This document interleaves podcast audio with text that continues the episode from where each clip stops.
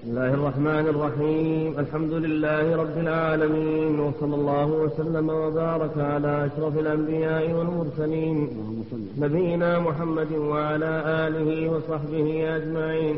أما بعد قال رحمه الله تعالى في فتح المجيد وقوله قال ابن مسعود من أراد أن ينظر إلى وصية محمد صلى الله عليه وسلم التي عليها خاتمه فليقرأ.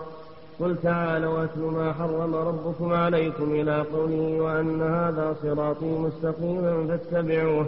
قوله ابن مسعود هو عبد الله بن مسعود بن, ابن مسعود بن غافل بمعجمة وفاء ابن حبيب الهذلي أبو عبد الرحمن. صحابي جليل من السابقين الأولين وأهل بدر وأحد والخندق وبيعة الرضوان. ومن كبار علماء الصحابة أمره عمر رضي الله عنه على الكوفة ومات سنة اثنتين وثلاثين رضي الله عنه.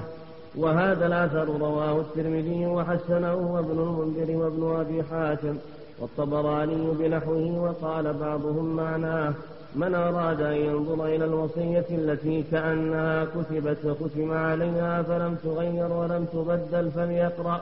قل تعالوا إلى آخر الآيات. شبهها بالكتاب الذي كتب ثم ختم ثم ختم فلم يزد فيه ولم ينقص فإن النبي صلى الله عليه وسلم لم يوص إلا بكتاب الله كما قال فيما رواه مسلم وإني تارك فيكم ما إن تمسكتم به لن تضلوا. كتاب الله. وقد روى عبادة بن الصامت قال قال رسول الله صلى الله عليه وسلم أيكم يبايعني على هؤلاء الآيات الثلاث. ثم تلا قوله قل تعالوا أتل ما حرم ربكم عليكم حتى فرغ من الثلاث الآيات ثم قال ومن وفى بهن فأجره على الله ومن انتقص منهن شيئا فأدركه الله به في الدنيا كانت عقوبته ومن أخره إلى الآخرة كانت عقوبته. ومن أخره إلى الآخرة كان أمره إلى الله. إن شاء آخذه وإن شاء عفى عنه. رواه ابن أبي حاتم. والحاكم وصححه ومحمد بن نصر في الاعتصام. قلت ولأن النبي صلى الله عليه وسلم لم يوصي أمته إلا بما وصاهم الله تعالى به على لسانه. وفي الصحيح عن عبد الله بن أوفى أوصى النبي قال أوصى نعم أوصى بكتاب نعم. نعم. المقصود أن الله أن الله جل أوصى بهذه الأشياء العشرة من الآيات. والرسول أوصى بالقرآن سيرة الرسول بما أوصى الله به جل وعلا. وهو أوصى الأمة بالعمل بالقرآن والتمسك بالقرآن من تارك كتب فقال أولهما كتاب الله فيه الهدى والنور أن تخرجوا من كتاب الله وتمسكوا به. فله أحاديث كثيرة في الوصية في القرآن العظيم. فالوصية في القرآن من الرسول صلى الله عليه وسلم واقعة. والله أوصى بهذه الآية فتكون الآيات وصية الله؟ وصية الله ووصية الرسول عليه الصلاة والسلام. فيها النهي عن هذه الأشياء العشرة. أعظمها الشرك بالله وفيها الوفاء بالعهد. المقصود أن هذه الأشياء التي فيها هي وصية الله ووصية الرسول. فعلى الأمة أن تأخذ بها وأن تستقيم عليها. وأنها صراط الله وأن هذا صراط مستتبعوه جعلها الصراط. قل تعالى حرم ربكم عليكم ان نسوا شيئا والوالدين الاحسان ولا تقتلوا اولادكم من املاق نحن نرزقهم واياهم ولا تقربوا الفواحش ما الله ولا تقتلوا النفس الذي حرم الله الا ذلكم وصاكم به لعلكم تحسنون ثم قال جل وعلا ولا تقربوا اليتيم الا بالتي احسن حتى يبلغ اشده وهو كلام المجال القسط لا نكلم نفسا إلا وسعها. وإذا قلتم فاعدلوا فنفسها إلى قربى وبعث الله ذلكم وصاكم به تذكرون ثم قال وان هذا صراطي مستقيما فاتبعوه. فدل على أن الالتزام بهذه الأمور هي صراط الله المستقيم. فعلا وتركا. ترك الشرك مع بر الوالدين ترك الفواحش وأضرار الوطن قتل نفسه ترك النفس قتل الأولاد. كل هذا مما حرمه الله عز وجل.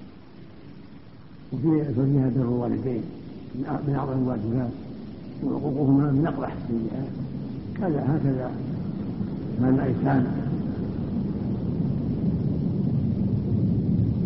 العدوان عليه من أقبح السيئات الإنسان بغير حق من أقبح السيئات والتصرف فيه بالإحسان الإنسان من أفضل الحسنات. كذا هو بالكيل والميزان وعدم البخس. من أهم الواجبات. والبخس من أقبح السيئات. فإذا قلتم فاعدلوا ولو كان ذا قربى كذلك العدل في القضايا والحكم من أهم الواجبات. والجور من أقبح السيئات.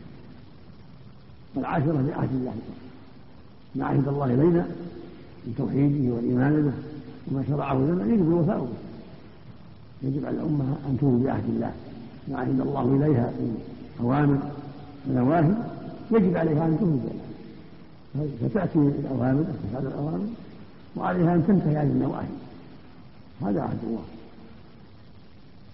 والعبد تتعقل وتذكر اتقى.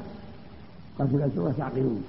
كانوا يتذكرون الآخرة يتقون لأن العبد تتعقل الأمور وتأملها وتدبرها وتذكر فعل ذلك هداه الله للتقوى ووفقه للتقوى.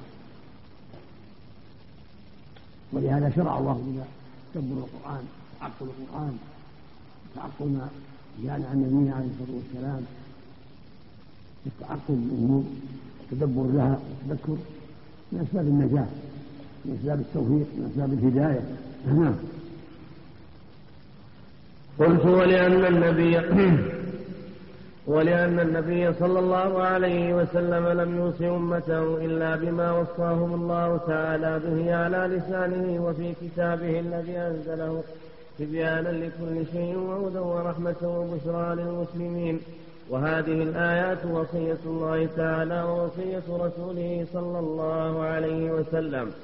قوله عن معاذ بن جبل قال كنت رديف النبي صلى الله عليه وسلم على حمار فقال لي يا معاذ أتدري ما حق الله على العباد؟ وما حق العباد على الله قلت الله ورسوله أعلم.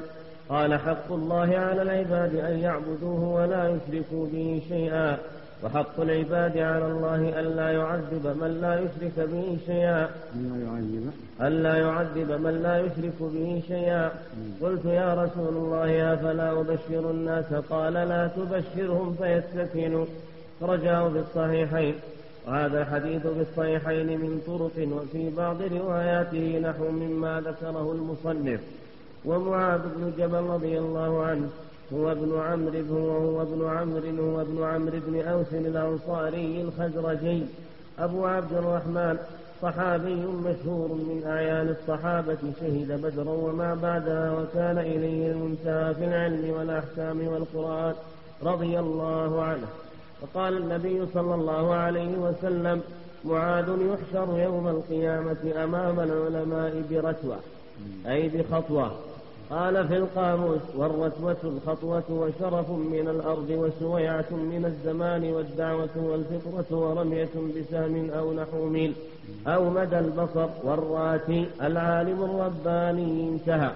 وقال في النهاية إنه يتقدم العلماء برتوة أي برمية سهم وقيل بميل وقيل مد البصر. وهذه الثلاثة أشبه بمعنى الحديث. مات معاذ سنة ثمان عشرة بالشام في طاعون أمواس وقد استخلفه النبي صلى الله عليه وسلم على أهل مكة يوم الفتح يعلمهم دينهم.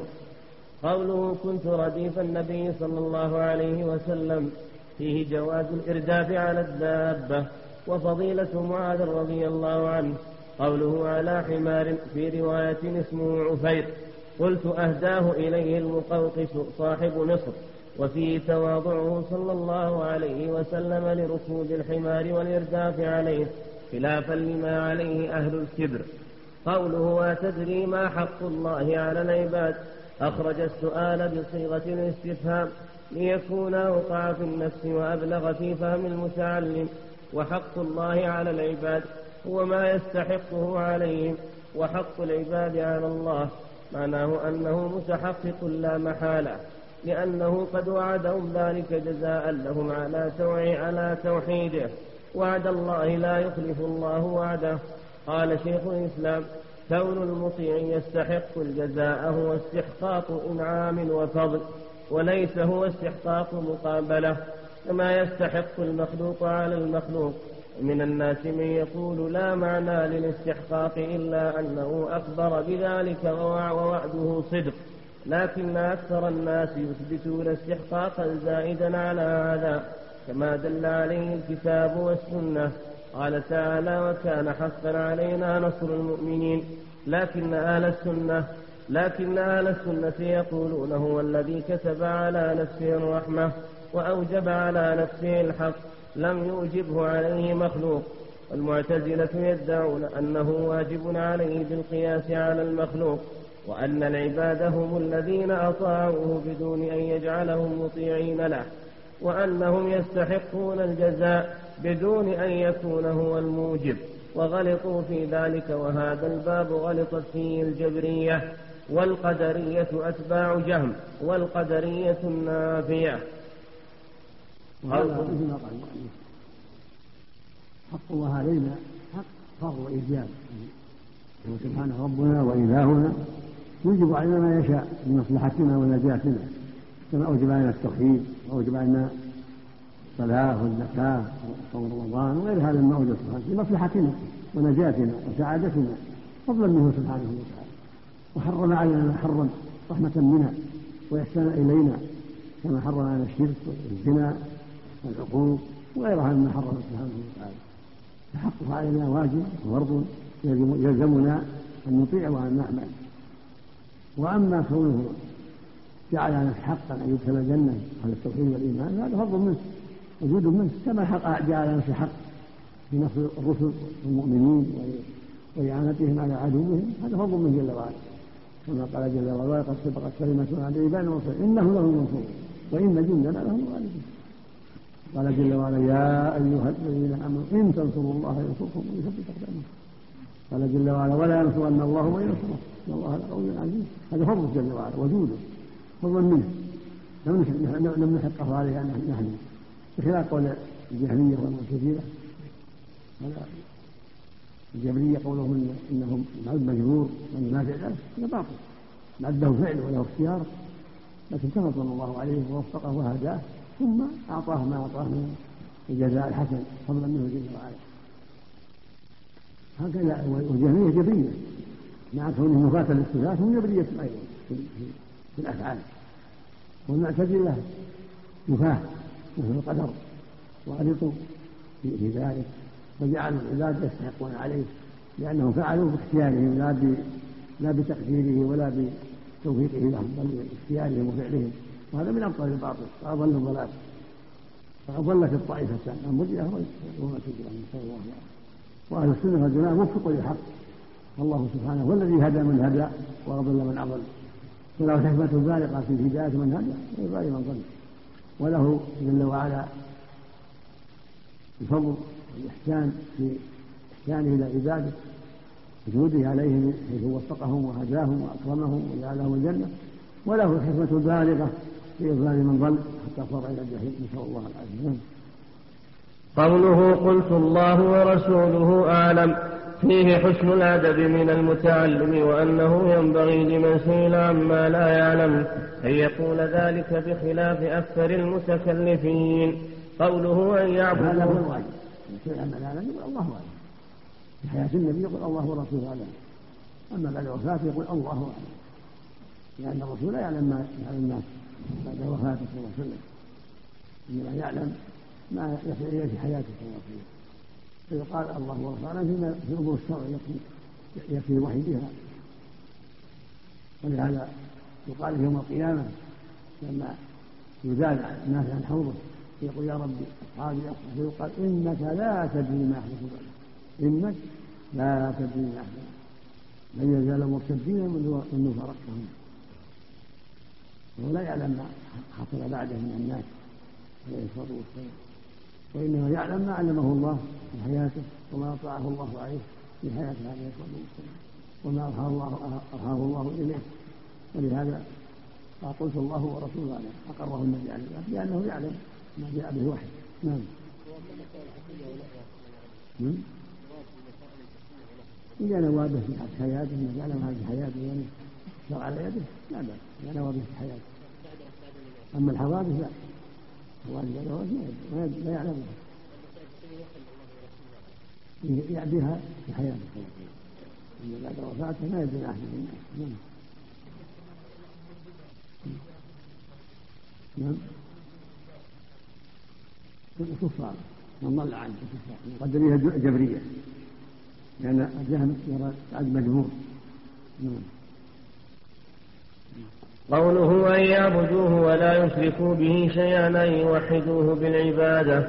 ولقد أحسن العلامة ابن القيم رحمه الله حيث عرف العبادة بتعريف جامع فقال وعبادة الرحمن غاية حبه مع ذل عابده هما قطبان. وعليهما فلك العبادة دائر ما دار حتى قامت القطبان. ومداره بالأمر أمر رسوله. لا بالهوى والنفس والشيطان قوله ولا يشركوا به شيئا أي يوحدوه بالعبادة فلا بد من التجرد من الشرك في العبادة. ومن لم يتجرد من الشرك لم يكن آتيا بعبادة الله وحده بل هو مشرك قد جعل لله ندا. وهذا معنى قول المصنف رحمه الله وفيه أن العبادة هي التوحيد لأن الخصومة فيه. وفي بعض الآثار الإلهية. إني والجن والإنس في نبأ عظيم. أخلق ويعبد غيري وأرزق ويشكر سواي وخيري إلى العباد نازل وشرهم إلي صاعد. أتحبب إليهم بالنعم ويتبغضون إلي بالمعاصي. وقوله وحق العباد على الله ألا يعذب من لا يشرك به شيئا. قال الحافظ اقتصر على نفي الإشراك لأنه يستدعي التوحيد بالاقتضاء ويستدعي إثبات الرسالة باللزوم إذ من كذب رسول الله صلى الله عليه وسلم فقد كذب الله ومن كذب الله فهو مشرك وهو مثل قول القائل من توضأ صحت صلاته أي مع سائر الشروط انتهى. وهذا لا بد منه في كل النصوص. إن الله يعلم من لا يشرك شيئا يعني لم ياتي إذا لم يأتي منه ما الردة ما يجب العذاب. وهو سبحانه أكرم الأكرمين. فلا يعذب أهل التوحيد إذا ماتوا على التوبة من المعاصي. أما من تاب من مات على المعاصي فهو تحت نفسه. نعم. الصحيح أسرع بني إسرائيل يختار ببيان الترغيب والترهيب. نعم. هو هو الواقع. أكثر الخلق خلقهم ورزقهم ويعبدون غيره. نعم. قوله أفلا أبشر الناس؟ فيه استحباب بشارة المسلم بما يسره وفيه ما كان عليه الصحابة من الاستبشار بمثل هذا. قاله المصنف رحمه الله. قوله لا تبشرهم فيتكلوا أي يعتمدوا على ذلك فيتركوا التنافس في الأعمال. وفي رواية فأخبر بها معاذ عند موته تأثما أي تحرجا من الإثم قال الوزير أبو المظفر. لم يكن يكتمها إلا عن جاهل يحمله جهله على سوء الأدب بترك الخدمة في الطاعة فأما الأكياس الذين إذا سمعوا بمثل هذه زادوا في الطاعة ورأوا أن زيادة النعم تستدعي زيادة الطاعة فلا وجه لكتمانها عنهم. وفي الباب من الفوائد غير ما تقدم. أخبر النبي صلى الله عليه وسلم. في أحاديث كثيرة من التوحيد من مات عليه دخل الجنة. بين المقصود من مات عليه مع سلامة من المعاصي. أو المراد يعني النهاية الجنة وإن كان عنده معاصي. فالحاصل أن الواجب على المؤمن أن يضم أحاديث التغيير إلى أحاديث التوحيد. ولا يسر بالتغيير دون التغيير ولا بالتغيير دون التغيير فلا يقنط ولا يأمن يهم النصوص بعضها إلى بعض. التغيير يوجب له أن الظن بالله والجدة في طاعات الله والتغيير يجب له يجب له الحذر من المعاصي والبعد عنها والتوبة منها. هذا شأن المؤمن ولهذا قال جل وعلا نبئ عبادي اني أنا غفور رحيم وان عذابي هو العذاب الاليم قال سبحانه غافل الذنب وقابل التوبة شديد؟ العقاب الواجب على المؤمن أن يكون كان عند الامرين يخاف ويرجع لا لا يغلط ولا يغلط ولهذا قال سبحانه في احياء العباد من الرسل واتباعهم انهم كانوا يسارعون في الخيرات ويدعوننا رغبا ورهبا وكانوا لنا خاشعين قال سبحانه اولئك لا يدعون. يعني المسيح وامه والمرسلين المؤمنين يدعون يبتغون إلى ربهم وسيله ايهم اقرب ويرجون رحمته ويخافون عذابه هكذا كان المؤمن. يعبد الله ويوحده. ويرجو رحمته ويخشى عقابه وهو معظم الجنه لكن إن سلم من المعاصي دخلها إلى وليه أما إن لم يسلم بل مات على بعض المعاصي ولم يتب فهو تحت مشيئة الله. ثم بين في كتابه سورة النساء حيث قال جل وعلا إن الله لا يغفر الشرك ثم قال سبحانه ويغفر ما دون ذلك لمن فأهل المعاصي تحت المشيئة إذا ماتوا عليها غير تائبين نعم. وفي الباب من الفوائد غير ما تقدم الحث على إخلاص العبادة لله وأنها لا تنفع مع الشرك بل لا تسمى عبادة. التنبيه على عظمة حق الوالدين وتحريم عقوقهما. والتنبيه على عظمة الآيات المحكمات في سورة الأنعام. وجواز كتمان العلم للمصلحة. قوله أخرجاه أيضا. وهذا واضح. الواعظ المذكر الداعي إلى الله. إذا رأى كتمان بعض العلم في بعض الأوقات أو في بعض المجالس ويخص ميت بوعظ خاص هذا إليه من باب المصالح. فإذا كان مع مسلمين تكلم فيما يتعلق بالترهيب والوعيد والتحذير.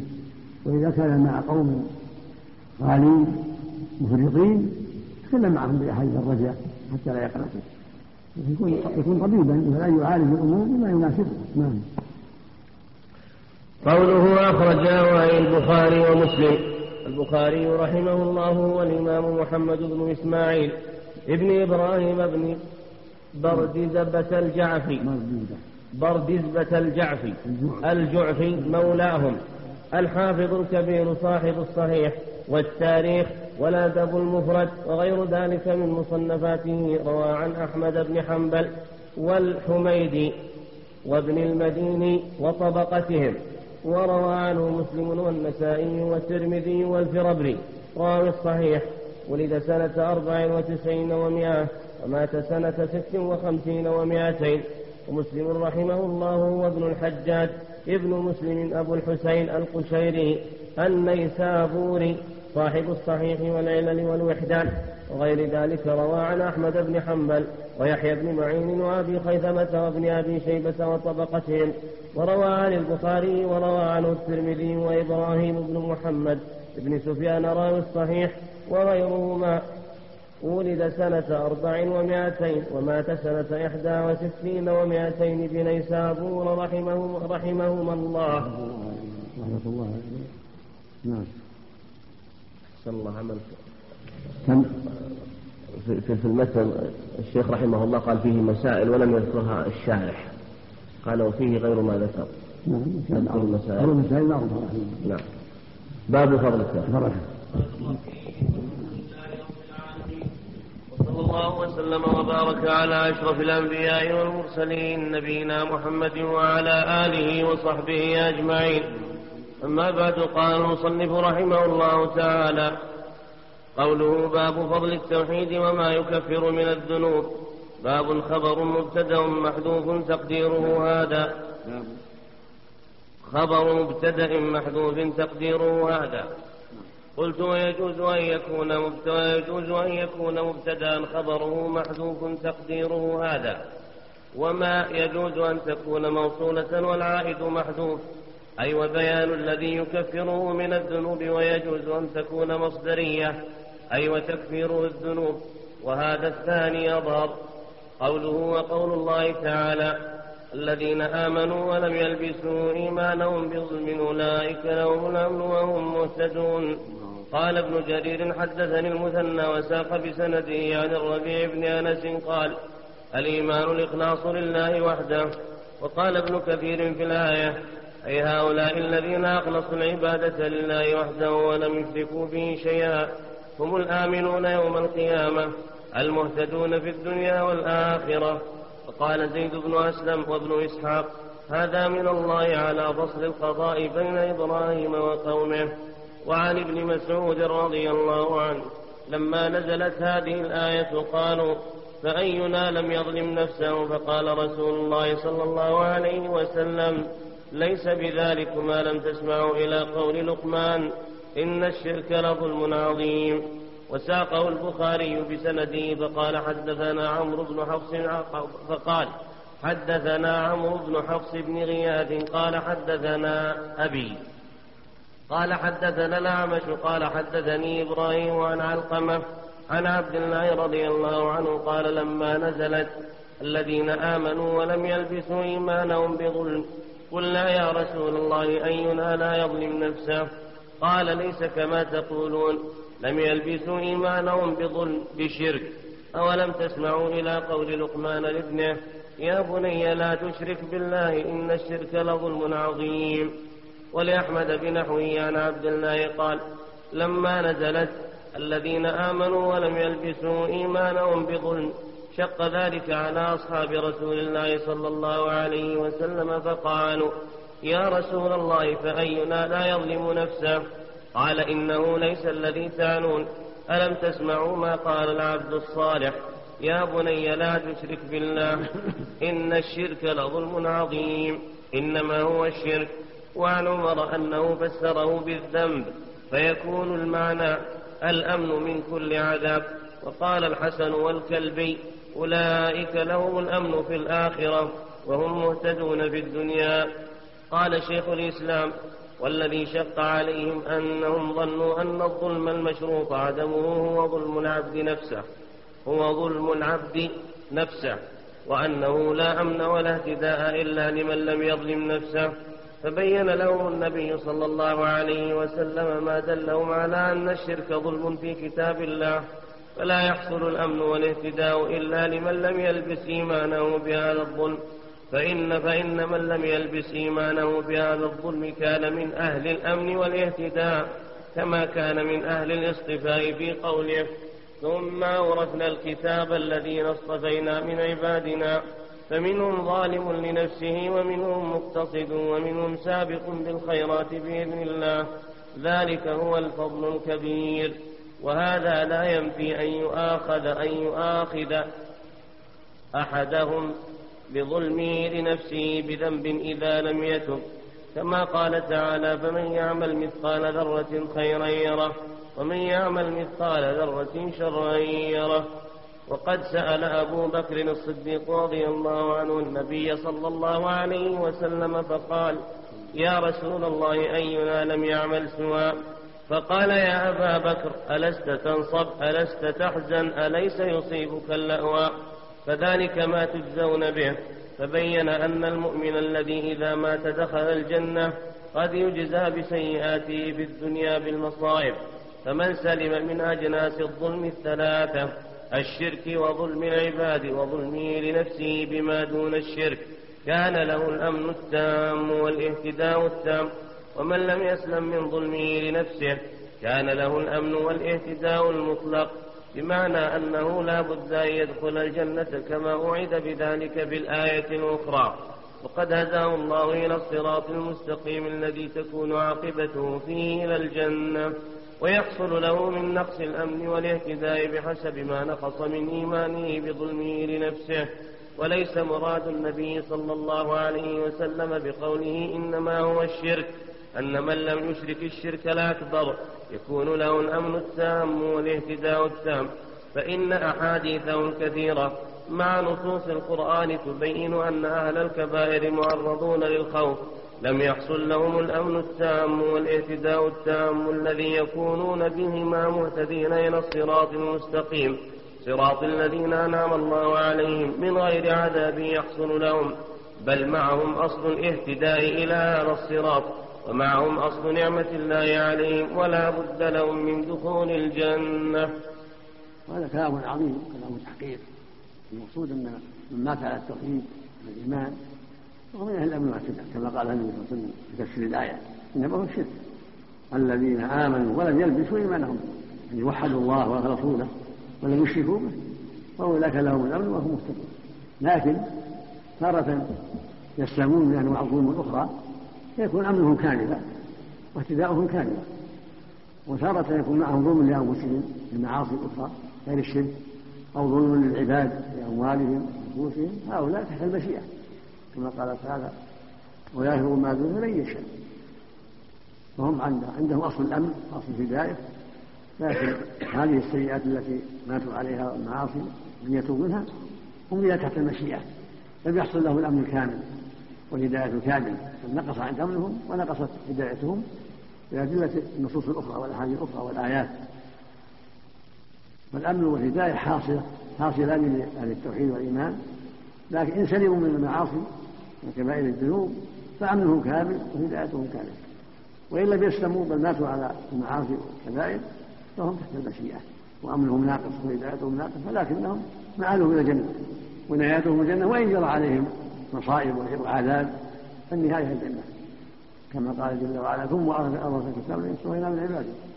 فمنهم ظالم نفسه وصاحب المعاصي ومنهم مقتصد وهو البر ومنهم سابق بالخيرات وهم المقربون. هذه أقسام أهل الإيمان. القسم الأدنى ظالم نفسه والوسط مقتصد والأعلى السابق والمقرب. كلهم موعود بالجنة. جنات عدن يدخلونها. لكن أهل الأمن والهداية الكاملة لا لا خطر عليهم أما أهل الظلم النفس في المعاصي دون الشرك فهم الذين على خطر والعفو عنهم والمغفرة معلق بالمشيئة قد يعذبون وقد ينجون. نعم. يعني حسن أحسن الله عمل الأمل في الآخرة والاختلاف في الدنيا. فقط ألا يقال الأمل في الدنيا والأخرى الذين على الصراط المستقيم يعني يعم يوم الامن الامن والهداية يوم الدنيا والآخرة. لكن مراد الحسن يعني الهدايه المهمه هداية الدنيا. ويهتدي الحق يقوم بالحق ويعمل بالحق. فإذا هدي الحق هنا هدي يوم القيامة إلى دخول الجنة. فلهذا نبه على رحمه الله. وإلا فالمقصود الهداية الكاملة. يهتدي في الدنيا لطاعة الله وفي الآخرة إلى الجنة والكرامه نعم. أحسن الله إليك. الإصرار على المعاصي هل نعم. أقول هل يصح أن يسمى الإصرار على المعاصي خللا في الاعتقاد أو نعم إذا أصر لم تغفر له قال الله ولن يصر لابد من عدم الإصرار. شرط الله المغفرة أن لا يصر. نعم. ولهذا قال النبي في الحديث الصحيح الصلوات الخمس والجمعة إلى الجمعة ورمضان كفرت لما بينهن ما لم تنكر الكبائر إذا اجتنب الكبائر وهذا مطابق لقوله سبحانه إن تجتنبوا كبائر ما كنا نكفر عنكم سيئات ونصيبكم مدخلا كريما. فاشترط في تكفير ودخول الجنة اجتناب الكبائر نعم.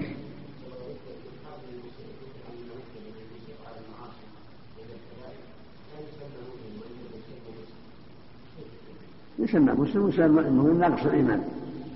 يسمى من ناقص الإيمان ويسمى مسلم. نعم. قوله وعن عبادة بن الصامت رضي الله عنه قال قال رسول الله صلى الله عليه وسلم من شهد أن لا إله إلا الله وحده لا شريك له وأن محمدا عبده ورسوله وأن عيسى عبد الله ورسوله وكلمته ألقى إلى مريم وروح منه.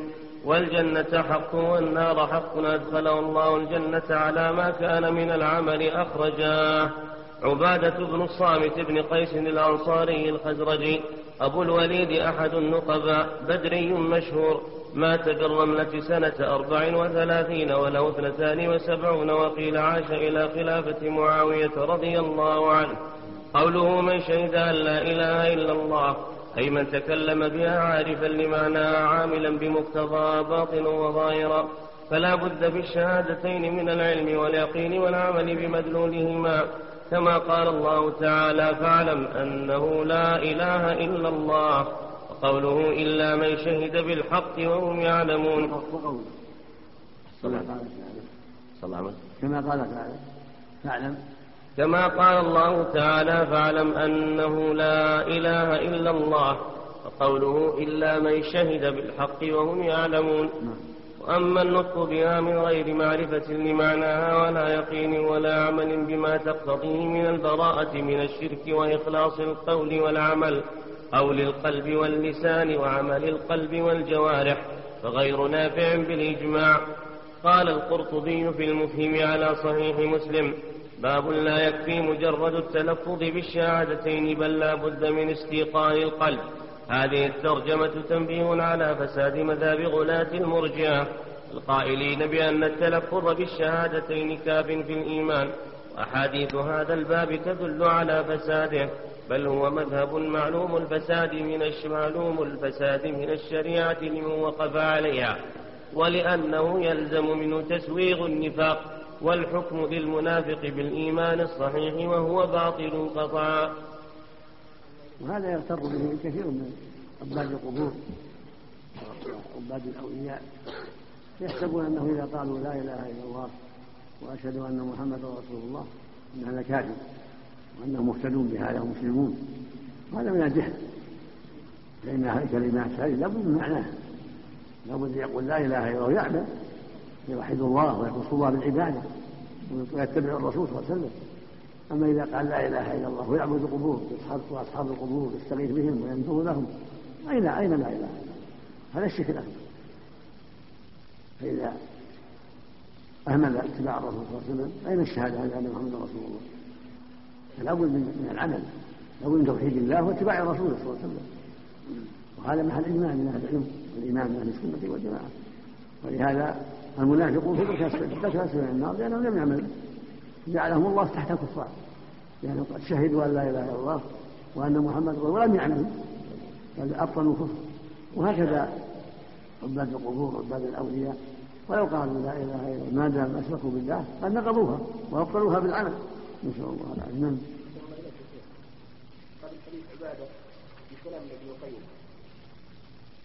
عندك؟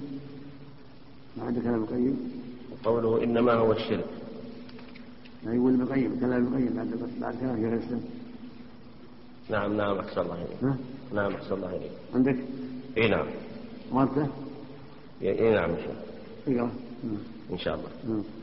وقوله إنما هو الشرك إن أراد الأكبر فمقصوده أن أن من لم يكن من أهله فهو آمن مما مما وعد به المشركون من عذاب الدنيا والآخرة. وإن كان مراده جنس الشرك يقال ظلم العبد. يقال ظلم العبد نفسه كبخله لحب المال ببعض الواجب هو شرك أصغر وحبه ما يبغضه الله تعالى حتى يقدم هواه على محبة الله شرك أصغر ونحو ذلك. فهذا فاته من الأمن والانفداء بحسبه ولهذا كان السلف يدخلون الذنوب في هذا الشرك بهذا الاعتبار. انتهى ملخصا. وقال ابن القيم رحمه الله قوله والذين آمنوا ولم يلبسوا إيمانهم بظلم أولئك لهم الأمن وهم مهتدون. قال الصحابة وأينا يا رسول الله لم يلبس إيمانه بظلم؟ قال ذلك الشرك. ألم تسمعوا قول العبد الصالح؟ إن الشرك لظلم عظيم. لما أشكل عليهم المراد بالظلم فظنوا أن ظلم النفس داخل فيه وأن من ظلم نفسه أي ظلم كان لم يكن آمنا ولا مهتديا. أجابهم صلوات الله وسلامه عليه بأن الظلم الرافع للأمن والهداية على الإطلاق هو الشرك. وهذا والله هو الجواب الذي يشفي العليل ويروي الغليل. فإن الظلم المطلق التام هو الشرك الذي هو وضع العبادة في غير موضعها. والأمن والهدي المطلق هما الأمن في الدنيا والآخرة. والهدي إلى الصراط المستقيم. فالظلم المطلق التام رافع للأمن والاهتداء المطلق التام ولا يمنع ذلك أن يكون مطلق الظلم مانعا من مطلق الأمن ومطلق الهدى. فتأمله فالمطلق للمطلق والحصة للحصة. انتهى. كلام كلام طيب كلام واضح وهو الأمر مثل ما قال من وقاه الله أنواع الظلم كان أمره كاملا وهدايته كاملة ومن وقاه الله الشرك. فله أصل الأمن أصل الهداية وموعود بالجنة لكنه يفوته بعض الأمن وبعض الهداية بما معه من المعاصي والكبائر وهو تحت مشيئة الله. نعم. صلى الله عليه وسلم إذا قالوا مرجئة الفقهاء. نعم. أقول إذا قالوا مرجئة الفقهاء. نعم. أقول إذا قالوا مرجئة الفقهاء. ما فهمت مرجئة الفقهاء اللي يقولون العمل ليس من الإيمان. يقولون يعني الإيمان قول وإقرار تصديق يعني. كما يقول الشرع في حنيفة وغيره وأهل السنة والجماعة يقولون الإيمان قول وعمل قول القلب واللسان وعمل القلب والجوارح. الصلاة من الإيمان والصوم من الإيمان والزكاة من الإيمان وهي عمل. والجهاد من الإيمان هو عمل. ولهذا قال جل وعلا إنما المؤمنون الذين ذكر وجدت قلوبهم. إذا تليت عليهم آيات ذات وإيمان على ربهم يتوكلون. الذين يقيمون الصلاة وإما رزقناهم قال جل وعلا والمؤمنون والمؤمنات بعضهم أولياء بعض يأمرون بالمعروف وينهون عن المنكر ويقيمون الصلاة ويؤتون الزكاة ويؤتون الله ورسوله. جعل هذا كله إيمان. هذا هو أهل الحق. فإذا ترك بعض الإيمان ترك يكفر كترك الصلاة على الصحيح وترك أن يكون ناقص الإيمان كترك الصوم أو الحج مع الاستطاعة أو الزكاة يكون ناقص الإيمان ضعيف الإيمان معرض للوعيد. نسأل الله العافية.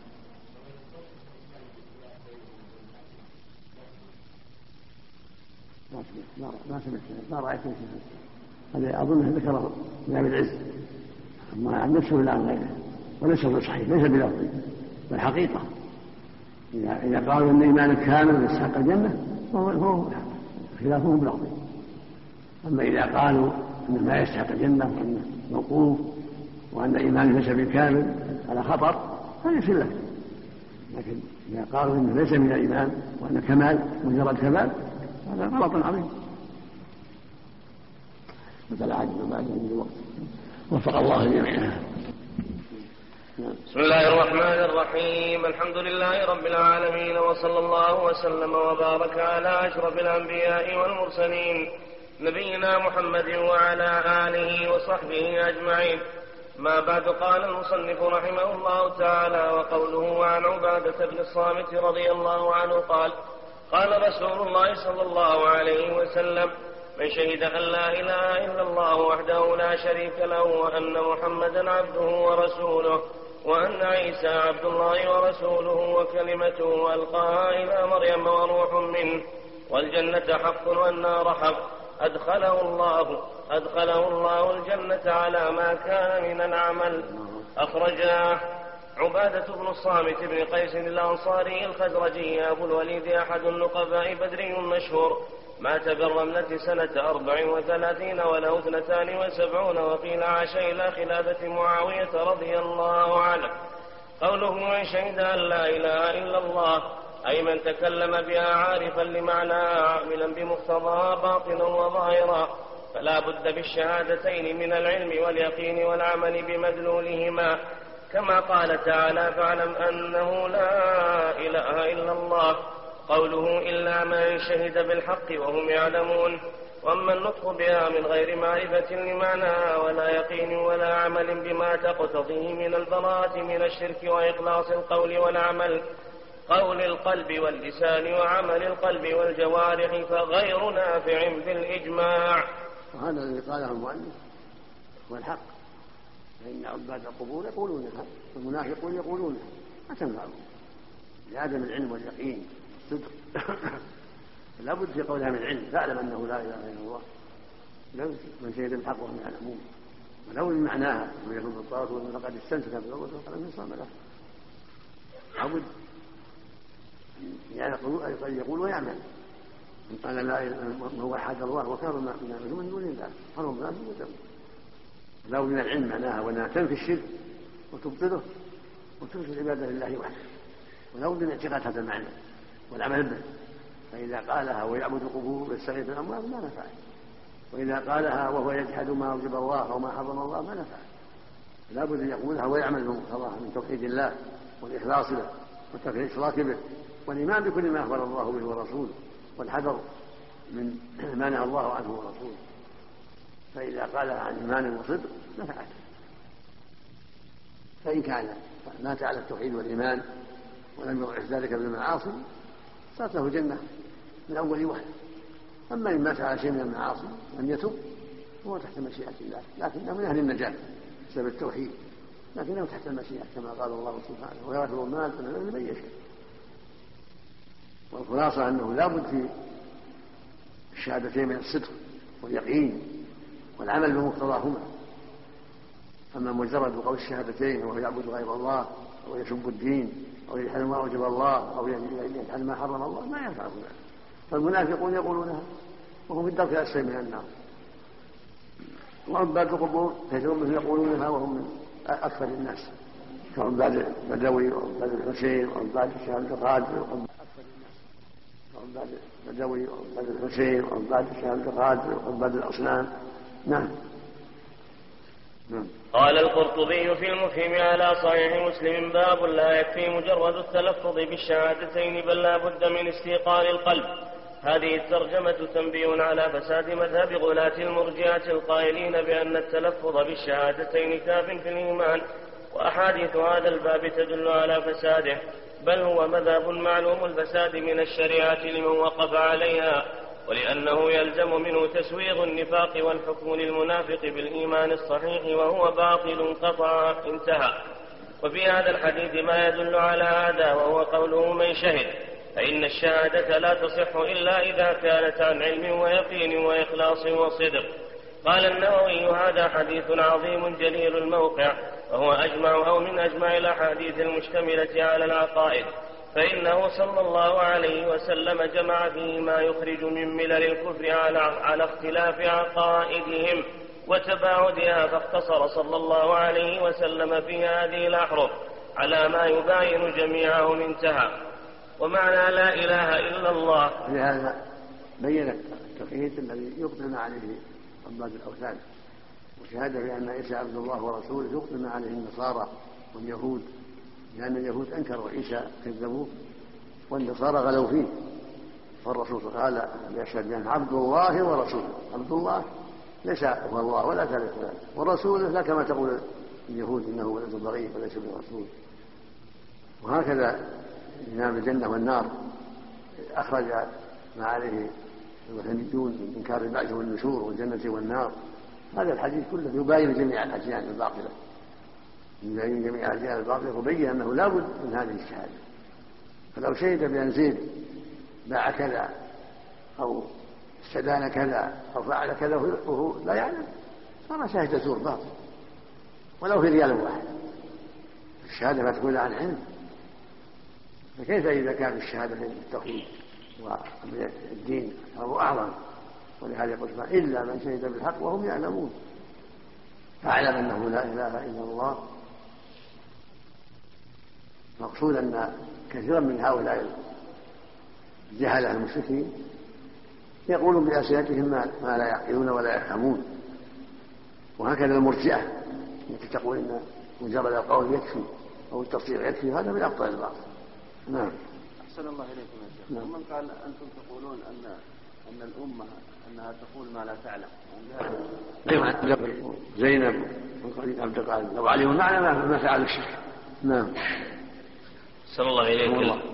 نعم. عفى الله عنك المسلم الجديد أو الذي يرغب الدخول في الإسلام. نقول له قف اولا واعلم. يعلم يعلم وافهم قبل أن ينطق بالشهادتين. كلها وضح له معناها. حتى يتبين. قبل أن ينطق. لا عند عند التعليم. عند تعليم الشهادتين بين معنى لا إله إلا الله لا معبود حق الا الله وأن ما يفعله عباد القبور وعباد الأصنام هو الشرك ولا يقال لا إله إلا الله. كالمنافقين يقول لا إله إلا الله وسبحان الله وأنت يا محمد خير الناس وانت وأنتم كذبتهم في الدرك الأسفل من النار أحسن الله لكن يعني إذا جاء يريد أن ينطق بالشهادتين قد يقول له البعض قف وتعلم وتأمل ثم انطق بالشهادتين يعلم يعلم يعلم والحمد لله. يعلم. يثبت إسلامه. نعم. نعم. نعم نعم لابد من النطق. نعم.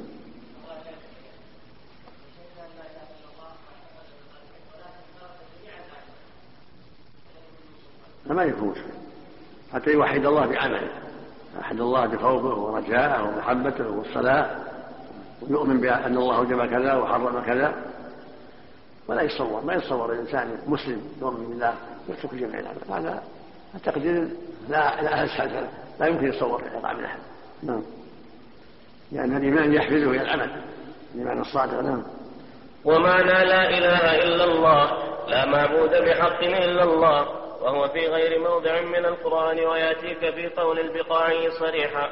قوله وحده تأكيد للإثبات لا شريك له تأكيد للنفي قاله الحافظ كما قال تعالى وإلهكم إله واحد لا إله إلا هو الرحمن الرحيم وقال وما أرسلنا من قبلك من رسول إلا نوحي إليه أنه لا إله إلا أنا فاعبدون وقال وإلى عاد أخاهم هودا قال يا قوم اعبدوا الله ما لكم من إله غيره فأجابوا ردا عليه بقولهم أجئتنا لنعبد الله وحده ونذر ما كان يعبد آباؤنا وقال تعالى ذلك بأن الله هو الحق وأن ما يدعون من دونه هو الباطل وأن الله هو العلي الكبير فتضمن ذلك نفي الإله فتضمن ذلك نفي الإلهية عما سوى الله وهي العبادة وإثباتها لله وحده لا شريك له والقرآن من أوله إلى آخره يبين هذا ويقرره ويرشد إليه. فالعبادة بجميع أنواعها إنما تصدر عن تأله القلب بالحب والخضوع والتدلل رغبا ورهبا وهذا كله لا يستحقه إلا الله تعالى. كما تقدم في أدلة هذا الباب وما قبله ومن صرف من ذلك شيئا لغير الله فقد جعله لله ندا. فلا ينفعه مع ذلك قول ولا عمل. ذكر الكلام العلماء في معنى لا إله إلا الله. قد تقدم كلام ابن قد تقدم كلام ابن عباس وقال الوزير أبو المظفر في الإفصاح قوله شهادة أن لا إله إلا الله يقتضي أن يكون الشاهد عالما بأنه لا إله إلا الله. كما قال تعالى فاعلم أنه لا إله إلا الله. قال واسم الله مرتفع بعد إلا. حيث أنه الواجب له الإلهية فلا يستحقها غيره سبحانه. قال وجملة الفائدة في ذلك أن تعلم أن هذه الكلمة مشتملة على الكفر بالطاغوت والإيمان بالله فإنك لما نفيت الإلهية وأثبتت الإيجاب لله سبحانه كنت كنت ممن كفر بالطاغوت وآمن بالله. وقال ابن القيم في البدائع ردا لقول من قال إن المستثنى مخرج من المستثنى منه. قال ابن القيم بل هو مخرج من المستثنى منه وحكمه. فلا يكون داخلا في المستثنى إذ لو كان كذلك لم يدخل الرجل في الإسلام بقوله لا إله إلا الله لأنه لم يثبت الإلهية لله تعالى. وهذه أعظم كلمة وهذه أعظم كلمة تضمنت بالوضع نفي الإلهية عما سوى الله وإثباتها له بوصف الاختصاص. فدلالتها على إثبات إلهيته أعظم من دلالة قولنا الله إله. ولا يستريب أحد في هذا البتة انتهى بمعناه والمعنى من المنفي وحكمه لأن الإله باطل سوى الله. فالألوهية منفية عن غير الله وهكذا حكمها. يعني حكمها بحق غير الله باطلة. بحق الله حق. معنى أن الله يعني هو المستعبد هو المعبود بالحق.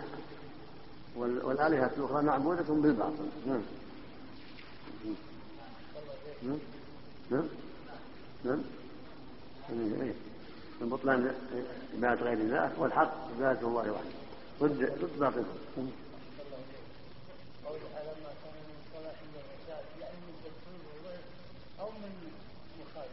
إيش؟ فلما كان من الصلاة والزكاة لا إله إلا الله لأني كثير أو والزكاة على كل حال إن مات على التوحيد فهو من الجنة لكن إن كان صالحا سليما من جميع الذنوب دخل الجنة من أول وهلة. وإن كان عنده ذنوب فهو من أهل الجنة لكن قد يعفى عنه وقد يحاسب ويدخل النار بذنوبه ثم يخرج منها بعد التطهير والتمحيص كما قال سبحانه ويغفر ما دون لمن يشاء. لكن له النجاة. له النجاة لكن النجاة تارة تكون من أول وهلة. وتارة تكون النجاة بعد التطهير والتمحيص. لما مات عليه من المعاصي والكبائر نعم. الله إليك من قال نعم.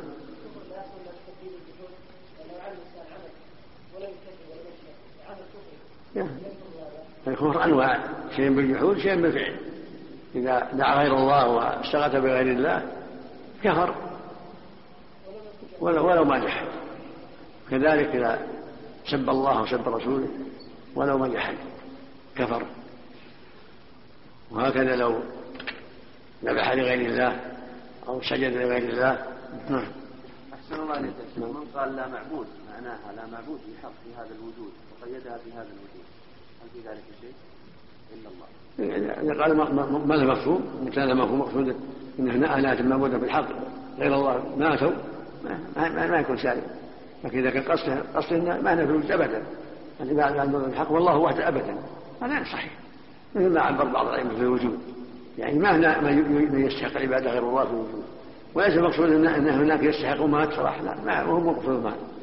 لا ليس هناك من يستحق العبادة إلا الله. لا موجودا ولا معدوما كونه معدوم من الدلائل على يستحق لأن الاله لا يكون معدوما لا يكون لا يزال موجودا معبودا بالحق سبحانه وتعالى. وقال أبو عبد الله فالاحسن يقول؟ لا معبود الا الله ما يحتاج يقول في الوجود لئلا يوهم شيء. نعم. وقال أبو عبد الله القرطبي في تفسيره لا إله إلا الله أي لا معبود إلا هو وقال الزمخشري الإله من أسماء الأجناس كالرجل والفرس يقع على كل معبود بحق أو باطل ثم غلب على المعبود بحق. وقال شيخ الإسلام الإله هو المعبود المطاع. فإن الإله هو المألوه والمألوه هو الذي يستحق أن يعبد. وكونه يستحق أن يعبد هو بما اتصف به من الصفات التي تستلزم أن يكون هو المحبوب غاية الحب المخضوع له غاية الخضوع. قال فإن الإله هو المحبوب المعبود الذي تألهه القلوب بحبها وتخضع له وتذل له. وتخافه وترجوه وتنيب إليه في شدائدها وتدعو في مهماتها وتتوكل عليه في مصالحها وتلجأ إليه وتطمئن بذكره تسكن إلى حبه وليس ذلك إلا لله وليس ذلك إلا وليس ذلك إلا الله وحده. هو الذي يحصل هذا مقصود. والذي يلجأ إليه يتوكل عليه وتعيش القلوب بحبه وحبه تخرج القلوب وتيسير الأمور فالعبادة كلها له وحده سبحانه وتعالى ولا أحد يستحقها سواه لأنه هو الذي إليه الملجأ وهو قادر على كل شيء وهو مخرج القلوب وميسر الأمور وهو بيده النجاة والسعادة وضد ذلك نعم. صلى الله عليه قوله وليس ذلك إلا الله وحده إلا لله وحده. يصلح هكذا ليس ذلك إن الله ولي يصلح هذه الأمور وليست هذه الأمور إلا لله وحده. اللي عندكم لله وليس ذلك إلا الله وحده. يعني ليس ليس ذلك الذي يستحق هذه الأمور إلا الله وحده. معنى واحد متقابل نعم. ولهذا كانت لا إله إلا الله أصدق الكلام وكان أهلها أهل الله وحزبه والمنكرون لها أعداءه وأهل غضبه وأهل غضبه ونقمته فإذا صحت صح بها كل صح بها كل مسألة وحال وذوق وإذا لم يصححها العبد فالفساد لازم في علومه وأعماله. وقال ابن القيم الإله هو الذي تألهه القلوب محبة وإجلالا وإنابة وإكراما وتعظيما وذلا وخضوعا وخوفا ورجاء وتوكلا. وقال ابن رجب الإله هو الذي يطاع فلا يعصى هيبة له وإجلالا ومحبة وخوفا ورجاء. توكلا عليه وسؤالا منه ودعاء له. لا يصلح هذا كله إلا لله عز وجل. فمن أشرك مخلوقا في شيء من هذه الأمور التي هي من خصائص الإلهية كان ذلك قدحا في إخلاصه في قول لا إله إلا الله ونقصا في توحيده وكان فيه من عبودية المخلوق بحسب ما فيه من ذلك. قال البقاعي لا إله إلا الله أي انتفاء عظيما أن يكون معبود بحق غير الملك الأعظم. أي انتفاء عظيم. أي انتهى انتفاء الله عنك. انتفى انتفاء ولا انتفاء عظيما هنا أي انتفاء عظيما؟ هذا عنده. ما ها؟ معنى واحد معنى واحد نعم. الشيعة يقتضي أن ينتفى انتفاء عظيما. تقول لا إله. ومعنى انتفاء عظيم يعني أن هذا الكلمة معناها الانتفاء العظيم. نعم. فإن هذا العلم هو أعظم الذكرى المنجية من أهوال الساعة وإنما يكون علما إذا كان نافعا وإنما يكون نافعا إذا كان مع الإذعان والعمل بما تقتضيه وإلا فهو جهل صرف. وقال الطيبي الإله فعال بمعنى مفعول كالكتاب بمعنى المكتوب من أله إلهة أي عبد عباده. من أله إلهة أي عبد عباده. قال الشارح وهذا كثير في كلام العلماء وإجماع منهم. فدلت لا إله إلا الله على نفي الإلهية عن كل ما سوى الله تعالى كائنا ما كان وإثبات الإلهية لله وحده دون كل ما سواه. وهذا هو التوحيد الذي دعت إليه الرسل ودل عليه القرآن من أوله إلى آخره كما قال تعالى عن الجن قل أوحي إلي أنه أستمع نفر من الجن فقالوا إنا سمعنا قرآنا عجبا. يهدي إلى الرشد فآمنا به ولن نشرك بربنا أحدا. فلا إله إلا الله لا تنفع إلا من عرف مدلولا نفيا وإثباتا واعتقد ذلك وقبله وعمل وقبله وعمل به. واعتقد ذلك وقبله وعمل وعمل به. أما من قال من غير علم واعتقاد وعمل فقد تقدم كلام العلماء أن هذا جهل صرف فهي حجة عليه بلا ريب. فقوله في الحديث وحده لا شريك له تأكيد وبيان لمضمون معناه وقد أوضح الله ذلك وبينه في قصص الأنبياء والمرسلين في كتابه المبين. فما أجهل عباد القبور بحالهم؟ وما أعظم ما وقعوا فيه من الشرك المنافي لكلمة الإخلاص لا إله إلا الله فإن مشركي العرب ونحوهم جحدوا لا إله إلا الله لفظا ومعنى وهؤلاء المشركون أقروا بها لفظا وجحدوها معنى فتجد أحدهم يقولها وهو يأله غير الله بأنواع العبادة كالحب والتعظيم والخوف والرجاء والتوكل والدعاء غير ذلك من أنواع العبادة. بل زاد شركهم على شرك العرب بمراتب فإن أحدهم إذا وقع في شدة أخلص الدعاء لغير الله تعالى ويعتقدون أنه أشرع فرجا لهم من الله بخلاف يعني حال يعني المشركين. يعني المشركين المتأخرين من الشدة به الأمور أخلص أخلص العبادة لغير الله نعوذ بالله ويرى أنها أسرع فرجا من الله. هذا هو أعظم من شرك الأولين. والأولون في حال الشدة يخلصون لله العبادة. نعم. بخلاف حال المشركين الأولين فإنهم كانوا يشركون في الرخاء وأما في الشدائد فإنما يخلصون لله وحده. كما قال تعالى فإذا ركبوا في الفلك دعوا الله مخلصين له الدين. فلما نجاهم إلى البر إذا هم يشركون. فبهذا يتبين أن مشركي أهل هذه الأزمان أجهل بالله وبتوحيده من مشرك العرب ومن قبله. وقوله وأن محمدا عبده ورسوله. الشيخ سعد. الحمد لله رب العالمين. صلى الله وسلم وبارك على أشرف الأنبياء والمرسلين نبينا محمد وعلى آله وصحبه أجمعين. أما بعد قال رحمه الله تعالى وقوله وان محمدا عبده ورسوله. أي وشهد بذلك وهو معطوف على ما قبله على نية تكرار العامل. ومعنى العبد هنا المملوك العابد أي أنه مملوك لله تعالى. والعبودية الخاصة وصفه. كما قال تعالى أليس الله بكاف عبده؟ فأعلى فأعلى مراتب العبد العبودية الخاصة. فأعلى مراتب العبد العبودية الخاص فأعلى مراتب العبود فأعلى مراتب العبد العبودية الخاصة والرسالة. ولهذا قال صلى الله عليه وسلم لا تطروني كما أطعت ما أطر إنما أنا عبد فقولوا عبد الله ورسوله. فأشرف مقامات العبد أن يكون عبدا لله مقيما. قائما بحقه جل وعلا. هذا أشرف مقاماته نعم. وأنه لما قام عبد الله يدعو كادوا يكون عليه لله نعم. فالنبي صلى الله عليه وسلم أكمل الخلق في هاتين الصفتين الشريفتين وأما الربوبية والإلهية فهما حق الله تعالى. لا يشركه في شيء منهما ملك مقرب ولا نبي مرسل. وقوله عبده ورسوله أتى بهاتين الصفتين وجمعهما دفعا للإفراط والتفريط فإن كثيرا ممن يدعي أنه من أمته أفرط بالغلو قولا وفعلا وفرط بترك متابعته واعتمد على الآراء المخالفة لما جاء به وتعسف في تأويل أخباره وأحكامه بصرفها عن مدلولها والصدوف عن الانقياد لها مع اقتراحها. فإن شهادة أن محمدا رسول الله تقتضي الإيمان به وتصديقه فيما أخبر وطاعته فيما أمر والانتهاء عما عنه نهى وزجر وأن يعظم أمره ونهيه ولا يقدم عليه قول أحد كائنا من كان والواقع اليوم وقبله ممن ينتسب إلى العلم من القضاة والمفتين خلاف ذلك والله المستعان. وروى الدارمي مثل ما قال الشيخ فإن وصفه بأنه عبد الله ورسوله يرفع يمنع النفاق والتفريط كونه عبد يقتضي ألا يغلى فيه. عبد من عباد الله لا يجوز أن يعبد يعبد من دون الله.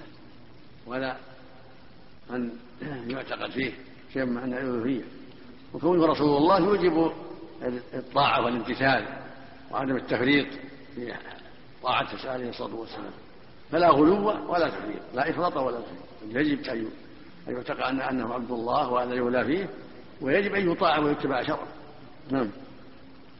وروى الدارمي في مسنده عن عبد الله بن سلام رضي الله عنه أنه كان يقول إنا لنجد صفة رسول الله صلى الله عليه وسلم. إنا أرسلناك شاهدا ومبشرا ونذيرا وحرزا للأميين. أنت عبدي ورسولي سميته المتوكل. ليس بفظ ولا غليظ ولا صخاب بالأسواق ولا يجزي بالسيئات مثلها ولكن يعفو ويتجاوز ولن أقبضه حتى يقيم الملة المتعوجة بأن يشهد أن لا إله إلا الله يفتح به أعينا عميا وآذانا صما وقلوبا غلفا. قال عطاء بن يسار وأخبرني أبو واقد الليثي أنه سمع كعبا يقول مثل ما قال ابن سلام. قوله وأن عيسى عبد الله ورسوله. من الحنيفية لأنها مائلة والله الأوجه والمعوجة يعني المائلة عن الأديان الحنيفية لأن الأديان كلها باطلة يهودية نصرانية المجوسية غيرها كلها باطلة. وليس هناك ملة سليمة إلا الحنيفية التي مالت عن الأديان ووجت عنها وصدفت عنها إلى إخلاص العبادة لله وحده. هي قيمة في نفسها مائلة عن غيرها. ولهذا جل وعلا وجاء قال جل وعلا وذلك دينه قيمة دينا قيما والأخرى دينا قيما فدين دين الله هو القيم. والملة الحنيفية التي هي خلاف اليهودية والنصرانية والشيوعية والمجوسية وغير والوثنية وغيرها. نعم. قوله وأن عيسى عبد الله ورسوله أي خلافا لما يعتقده النصارى أنه الله أو ابن الله أو ثالث ثلاثة. تعالى الله عما يقولون علوا كبيرا. ما اتخذ الله من ولد وما كان معه من إله. فلا بد أن يشهد أن عيسى عبد أن عيسى عبد الله ورسوله على علم ويقين بأنه مملوك لله خلقه من أنثى بلا ذكر. كما قال تعالى إن مثل عيسى عند الله كمثل آدم خلقه من تراب ثم قال له كن فيكون. فليس ربا ولا إلها. سبحان الله عما يشركون. قال تعالى فأشارت إليه. قالوا كيف نكلم من كان في المهد صبيا؟ قال إني عبد الله.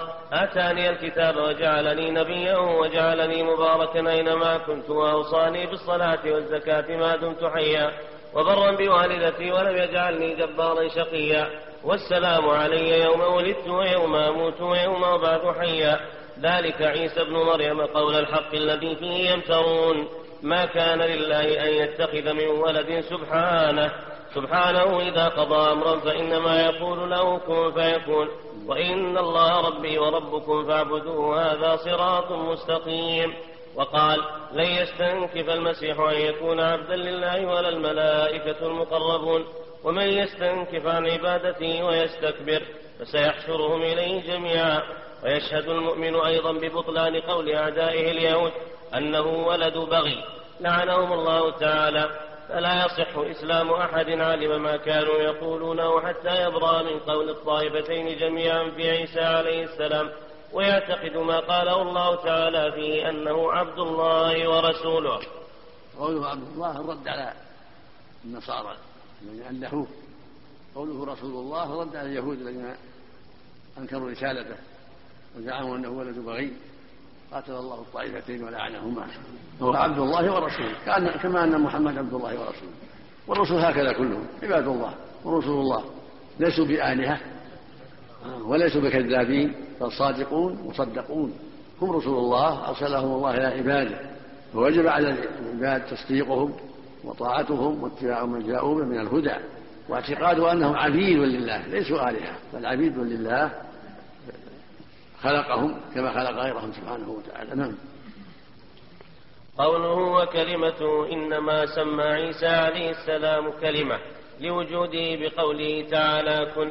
كما قاله السلف من المفسرين قال الإمام أحمد في الرد على الجامية ما الكلمة التي ألقاها إلى مريم حين قال له كن فكان عيسى بكن وليس عيسى هو كن ولكن بكن كان؟ فكن من الله تعالى قول وليس كن مخلوقا. وكذب النصارى والجهمية على الله. نعم وكذب. وكذب النصارى والجهمية على الله في أمر عيسى. انتهى. نعم قوله ألقاها إلى مريم. قال ابن كثير خلقه بالكلمة التي أرسل بها جبريل إلى مريم فنفخ فيها من روحه بأمر ربه عز وجل. فكان عيسى بإذن الله عز وجل. فهو ناشئ عن الكلمة التي قال له كن فكان والروح التي أرسل بها هو والروح التي أرسل بها هو جبريل عليه السلام. وقوله وروح منه قال أبي بن كعب عيسى روح من الأرواح التي خلقها الله تعالى واستنطقها بقوله ألست بربكم. قالوا بلى. بعثه الله إلى مريم فدخل من فيها. رواه عبد بن حميد وعبد الله بن أحمد في زوائد المسند وابن جرير وابن أبي حاتم وغيرهم. قال الحافظ ووصفه بأنه منه فالمعنى أنه كائن منه كما في قوله تعالى وسخر لكم ما في السماوات وما في الأرض جميعا منه. فالمعنى أنه كائن منه كما أن معنى الآية الأخرى أنه سخر هذه الأشياء كائنة منه. أي أنه مكون ذلك وموجده بقدرته وحكمته. قال شيخ الإسلام معنى أن روح عيسى روح من الأرواح التي خلقها. روح شريفة خلقها جل وعلا وبعث بها جبرائيل إلى مريم. فحملت بإذن الله بهذه الروح. فعيسى عبد الله ورسوله وروح من الأرواح التي خلقها ووجدها. نعم. له حد نعم قال شيخ الإسلام المضاف إلى الله تعالى إذا كان معنى لا يقوم بنفسه ولا بغيره من المخلوقات وجب أن يكون صفة لله تعالى قائمة به وامتنع أن النص نعم بها إذا دخلت من فيها أو من جيبها كما في الرواية الأخرى المقصود أنها اتصلت بالفرد. اتصلت بالفرد فحملت بإذن الله. نص القرآن. من هنا لا لا هنا. قال من فيها صلى الله عليه من فيها. حتى المقصود أن النفقة اتصلت بالفرد نعم. ونعم فيه يعني فرد في فيها يعني في مريم نعم. قال شيخ الإسلام المضاف إلى الله تعالى إذا كان معنى لا يقوم بنفسه ولا بغيره من المخلوقات. وجب أن يكون صفة لله تعالى قائمة به وامتنع أن تكون إضافته إضافة مخلوق مربوب. وإذا كان المضاف عينا قائمة بنفسها كعيسى وجبريل عليهما السلام وأرواح, وأرواح بني آدم. امتنع أن تكون صفة لله تعالى لأن ما قام بنفسه لا يكون صفة لغيره. نعم. لكن الأعيان المضافة إلى الله تعالى على وجهين. أحدهما أن تضاف إليه لكونه خلقها وأبدعها فهذا شامل لجميع المخلوقات كقولهم سماء الله وأرض الله. فجميع المخلوقين عبيد الله وجميع المال وجميع المال وجميع المال مال الله. الوجه الثاني أن يضاف إليه لما خصه به من معنى يحبه ويأمر به ويرضاه كما خص البيت العتيق بعبادة فيه لا تكون في غيره. وكما يقال في مال الخمس والفيء هو مال الله ورسوله ومال الله ورسوله. ومن هذا الوجه فعباد الله هم الذين عبدوه وأطاعوا أمره. فهذه إضافة تتضمن ألوهيته وشرعه ودينه. وتلك إضافة تتضمن ربوبيته وخلقه انتهى ملخصا. والمعنى أن الإضافة قسمان إضافة خلق وإيجاد فجميع المخلوقات كلهم مخلوق لله. خلق الله وأرض الله وسماء الله. والقسم الثاني إضافة تشريف مع الخلق. إضافة تشريف وتكريم كما كناقة الله وبيت الله ورسول الله. قوله والجنة حق والنار حق. أي وشهد أن الجنة التي أخبر بها الله تعالى في كتابه أنه أعدها للمتقين حق أي ثابتة لا شك فيها. وشهد أن النار التي أخبر بها تعالى في كتابه أنه أعدها للكافرين حق كذلك ثابتة. كما قال تعالى سابقوا إلى مغفرة من ربكم وجنة عرضها كعرض السماء والأرض أعدت للذين آمنوا بالله ورسله. ذلك فضل الله يؤتيه من يشاء والله ذو الفضل العظيم. وقال تعالى فاتقوا النار التي وقودها الناس والحجارة أعدت للكافرين. وفي الآيتين ونظائرهما دليل على أن الجنة والنار مخلوقتان الآن. خلافا للمبتدعة وفيهما الإيمان بالمعاد.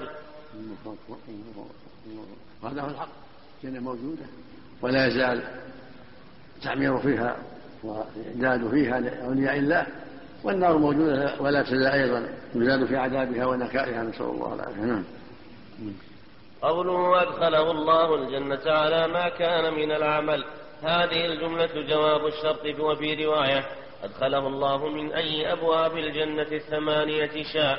قال الحافظ معنى قوله على ما كان من العمل أي من صلاح أو فساد. لكن أهل التوحيد لا بد لهم من دخول الجنة. ويحتمل أن يكون معنى قوله على ما كان من العمل أن يدخل أهل الجنة الجنة على حسب أعمال كل منهم في الدرجات. قال القاضي عياض ما ورد في حديث عبادة يكون مخصوصا لمن قال ما ذكره صلى الله عليه وسلم وقرن بالشهادتين حقيقة الإيمان والتوحيد الذي ورد في حديثه. فيكون له من الأجر ما يرجح فيكون له من الأجر ما يرجح ما يرجح على سيئاته. ويوجب له المغفرة والرحمة ودخول الجنة لأول وهلة. هذا مثل سائر الأحاديث الفضائل.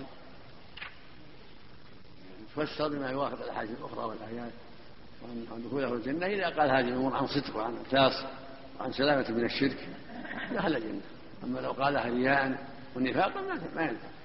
لأن النصوص فسروا بعضها. بعضا إن المنافقين في الدرك الأسفل من النار. هذه الذي شهد هذه الشهادة عن صدق وعن إيمان وعن عمل يدخل الجنة.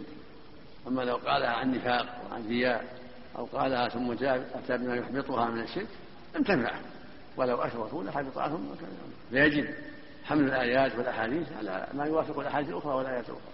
فإن النصوص يفسر بعضها بعضا ويقيد بعضها بعضا فلا يجوز ضرب بعضها ببعض. فإن كتاب الله كتاب الله لا يتناقض وكان سنة الرسول لا تتناقض فلا بد من تفسير هذا النص بالنص الآخر والآية بالآية الأخرى. فلو أن إنسانا شهد أن لا إله إلا الله وأن رسول الله وشهد أن عيسى عبد الله ورسوله وجنة حق والنار حق ويكذب فلا بأس أو أتى بمحبط ومبطل من الشرك لم ينفعه ذلك. المنافقون يصلون مع الناس يذكرون الله ويصومون ومع هذا في التكاسل إلى النار. لأنهم أتوا بهذه الأشياء عن غير عقيدة عن غير إيمان. وإنما, وإنما قالوا رياء ومجاملة وليسلموا من القتل ولهذا قال فيهم سبحانه إن المنافقين يخادعون الله وهو خادعهم وإذا قاموا إلى الصلاة قاموا كسالى يراؤون الناس. ولا يذكرون الله إلا قليلا مذبذبين بين ذلك؟ لا إله هؤلاء ولا إله ما عندهم ثبات قال تعالى إن المنافقين في الدرك الأسفل من النار ولن تجد لهم نصيرا. فهم والعياذ بالله. يقولون ما لا يفعلون ويقولون ما لا يصدقون فيه فهكذا من شبههم النصوص التي تكون في فضل التوحيد وفي فضل الصوم أو فضل الصلاة أو فضل الزكاة أو فضل الصدقة كلها تفسر بالنصوص الأخرى الدالة على الصدق والإخلاص والإيمان وأنه أتى بهذه الأعمال عن إيمان وعن صدق. فإذا كان له ذنوب معاصي فتفاوتت تحت مشيئته كما قال تعالى ويغفر ما دونه من يشاء. لكن عنده توحيد صادق وإيمان صادق. لكن مات على المعاصي ياتي النص الآخر. ويغفر ما دون ذلك من يشاء. فان مات على توبة وعلى صدق وعلى إخلاص هو من الجنة من أول وهله وفق الله جميعا. لله رب العالمين. وصلى الله وسلم وبارك على أشرف الأنبياء والمرسلين نبينا محمد وعلى آله وصحبه أجمعين. اللهم صل عليه. ما بعد قال المصنف رحمه الله تعالى في فتح المجيد ولهما في حديث عتبان فإن الله حرم على النار من قال لا إله إلا الله يبتغي بذلك وجه الله. قال ولهما في حديث عتبان ولهما أي للبخاري ومسلم في صحيحيهما بكماله وهذا طرف من حديث طويل أخرجه الشيخان. وعتبان بكسر المهملة بعدها مثنات فوقية ثم موحدة. ابن مالك بن عمرو بن العجلان الأنصاري من بني سالم بن عوف صحابي مشهور مات في خلافة معاوية. وأخرج البخاري في صحيحه بسنده عن قتادة.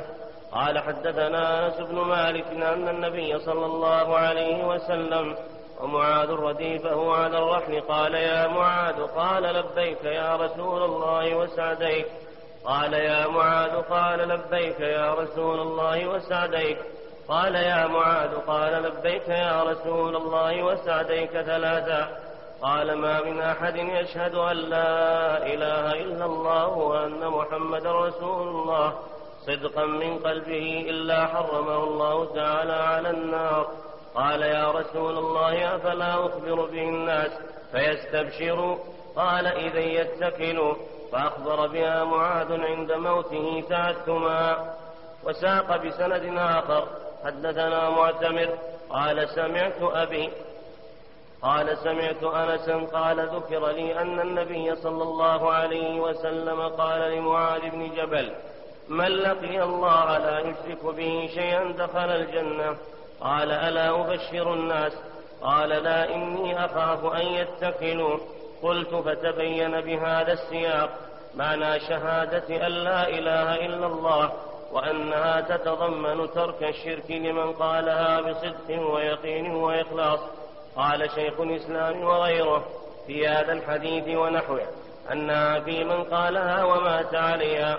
كما جاءت مقيدة بقوله خالصا من قلبه غير شاك فيها بصدق ويقين فإن حقيقة التوحيد انجذاب الروح إلى الله تعالى جملة. فمن شهد أن لا إله إلا الله خالصا من قلبه دخل الجنة لأن الإخلاص هو انجذاب القلب إلى الله تعالى. بأن يتوب من الذنوب توبة نصوحا فإذا مات على تلك الحال نال ذلك. فإنه قد تواترت الأحاديث بأنه يخرج من النار من قال لا إله إلا الله وكان في قلبه من الخير ما يزن شعيرة وما يزن خردلة وما يزن ذرة. وتواترت بأن كثيرا ممن يقول ممن يقول لا إله إلا الله يدخل النار ثم يخرج منها. وتواترت بأن الله حرم على النار أن تأكل أثر السجود من ابن آدم. فهؤلاء كانوا يصلون ويسجدون لله. وتواترت بأنه يحرم على النار من قال لا إله إلا الله. ومن شهد أن لا إله إلا الله وأن محمدا رسول الله. لكن جاءت مقيدة بالقيود الثقال. وأكثر من يقولها لا يعرف الإخلاص وأكثر من يقولها إنما يقولها تقليدا وعادة. ولم تخالط حلاوة الإيمان بشاشة قلبه. وغالب من يفتن عند الموت وفي القبور أمثال هؤلاء. كما في الحديث سمعت الناس يقولون شيئا فقلته. وغالب أعمال هؤلاء إنما هي تقليد واقتداء بأمثالهم. وهم من أقرب الناس من قوله تعالى إنا وجدنا إنا وجدنا آباءنا على أمة وإنا على آثارهم مقتدون. وحينئذ فلا منافاة بين الأحاديث فإنه إذا قالها بإخلاص ويقين تام لم يكن في هذه الحال لم يكن في هذه الحال مصرا على ذنب أصلا فإن كمال إخلاصه ويقينه يوجب أن يكون الله أحب إليه من كل شيء فإذا لا يبقى في قلبه إرادة لما حرم الله ولا كراهة لما أمر الله وهذا هو الذي يحرم على النار وإن كانت له ذنوب قبل ذلك فإن هذا الإيمان وهذا الإخلاص وهذه التوبة وهذه المحبة وهذا اليقين لا تترك له ذنبا إلا محي عنه كما يمحو الليل النار. فإذا قالها على وجه الكمال المانع من الشرك الأكبر والأصغر فهذا غير مصر على ذنب أصلا فيغفر له ويحرم على النار. وإن قالها على وجه خلص به من الشرك الأكبر دون الأصغر ولم يأت بعدها بما يناقض ذلك فهذه الحسنة لا يقاومها شيء من السيئات فيرجح بها ميزان الحسنات كما في حديث البطاقة فيحرم على النار ولكن تنقص درجته في الجنة بقدر ذنوبه وهذا بخلاف من رجحت سيئاته بحسناته. ومات مصرا على ذلك فإنه يستوجب النار. وإن, وإن قال لا إله إلا الله وخلص بها من الشرك الأكبر لكنه لم يمت على ذلك بل أتى بعدها بسيئات رجعت على حسنة توحيده. فإنه في حال قولها كان مخلصا لكنه أتى بذنوب أوهنت ذلك التوحيد والإخلاص فأضعفته وقويت نار الذنوب حتى أحرقت ذلك.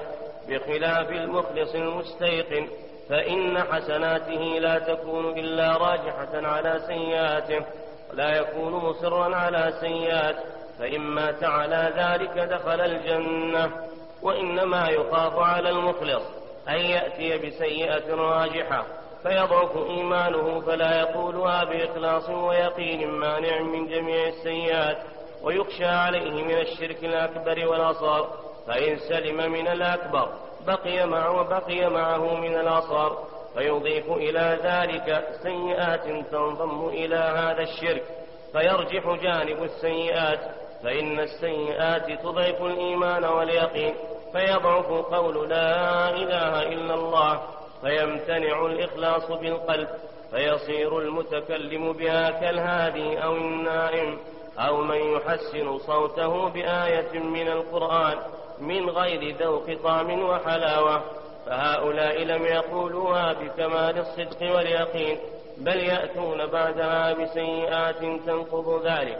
بل يقولونها من غير يقين وصدق ويموتون على ذلك. ولهم سيئات كثيرة تمنعهم من دخول الجنة.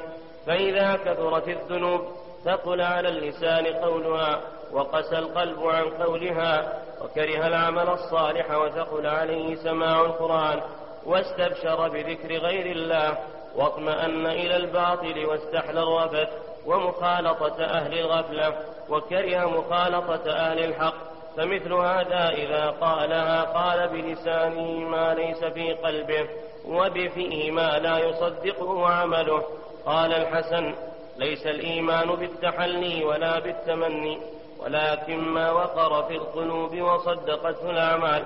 فمن قال خيرا وعمل خيرا قبل منه ومن قال خيرا وعمل شرا لم لم يقبل منه.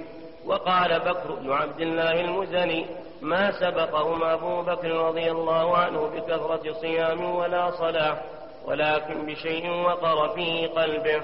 فمن قال لا إله إلا الله ولم يقم بموجبها بل اكتسب مع ذلك ذنوبا. بموجبها. ولم يقم بموجبها. بل اكتسب مع ذلك ذنوبا وكان صادقا في قولها موقنا بها لكن له ذنوب أضعفت صدقه ويقينه وانضاف إلى ذلك الشرك الأصغر العملي فرجحت هذه السيئات على هذه الحسنة. ومات مصرا على الذنوب. بخلاف من يقولها بيقين وصدق. فإنه إما ألا يكون مصرا على سيئة أصلا ويكون توحيده المتضمن لصدقه ويقينه رجح حسناته. والذين يدخلون النار ممن يقولها إما أنهم لم يقولوها بالصدق واليقين التام المنافي للسيئات أو لرجحانها أو قالوها واكتسبوا بعد ذلك سيئات رجحت على حسناتهم. ثم ضعف لذلك صدقهم ويقينهم ثم لم يقولوها بعد ذلك بصدق ويقين تام لأن الذنوب قد أضابت ذلك الصدق واليقين من قلوبهم فقولها من مثل هؤلاء لا يقوى على محو السيئات فترجح سيئاتهم فترجح سيئاتهم على حسناتهم. انتهى ملخصا. وهذا الكلام يوضح أن الأحاديث المطلقة يجب أن تفسر بالأحاديث والآيات المقيدة. وهكذا الشأن في جميع الفضائل وأخبار الفضائل والترغيب والترهيب كلها تفسر بالآيات والأحاديث المحكمة المقيدة. لأن ثبت عن الأحاديث الصحيحة وفي القرآن الكريم ما يدل على أن بعض أهل التوحيد يعذبون ويصيبهم ما يصيب الناس من العقوبات بسبب اقتراف السيئات والإصرار عليها. لمن يصير من أهل من أهل التوحيد. فإذا كان أتى بالتوحيد الخالص المتضمن التوبة من جميع السيئات فهذا يدخل الجنة من أول وهلة أما إذا أتى بشيء من التوحيد ولكن مع اقتراف السيئات والمعاصي فهذا تحت المشيئة. ولا يكون من أهل النجاة مطلقا. بل إن عفى الله عن دخل الجنة وإلا عذب بقدر المعاصي التي مات عليها لم يتم منها. فالمقصود أن النصوص المحكمة هي التي تفسر هذه النصوص المطلقة في في الأعمال وفي التوحيد. فمن مات على التوحيد الخالص بصدق وإخلاص تضمن توبته وندمه وإقلاعه من السيئات دخل الجنة من أول وهله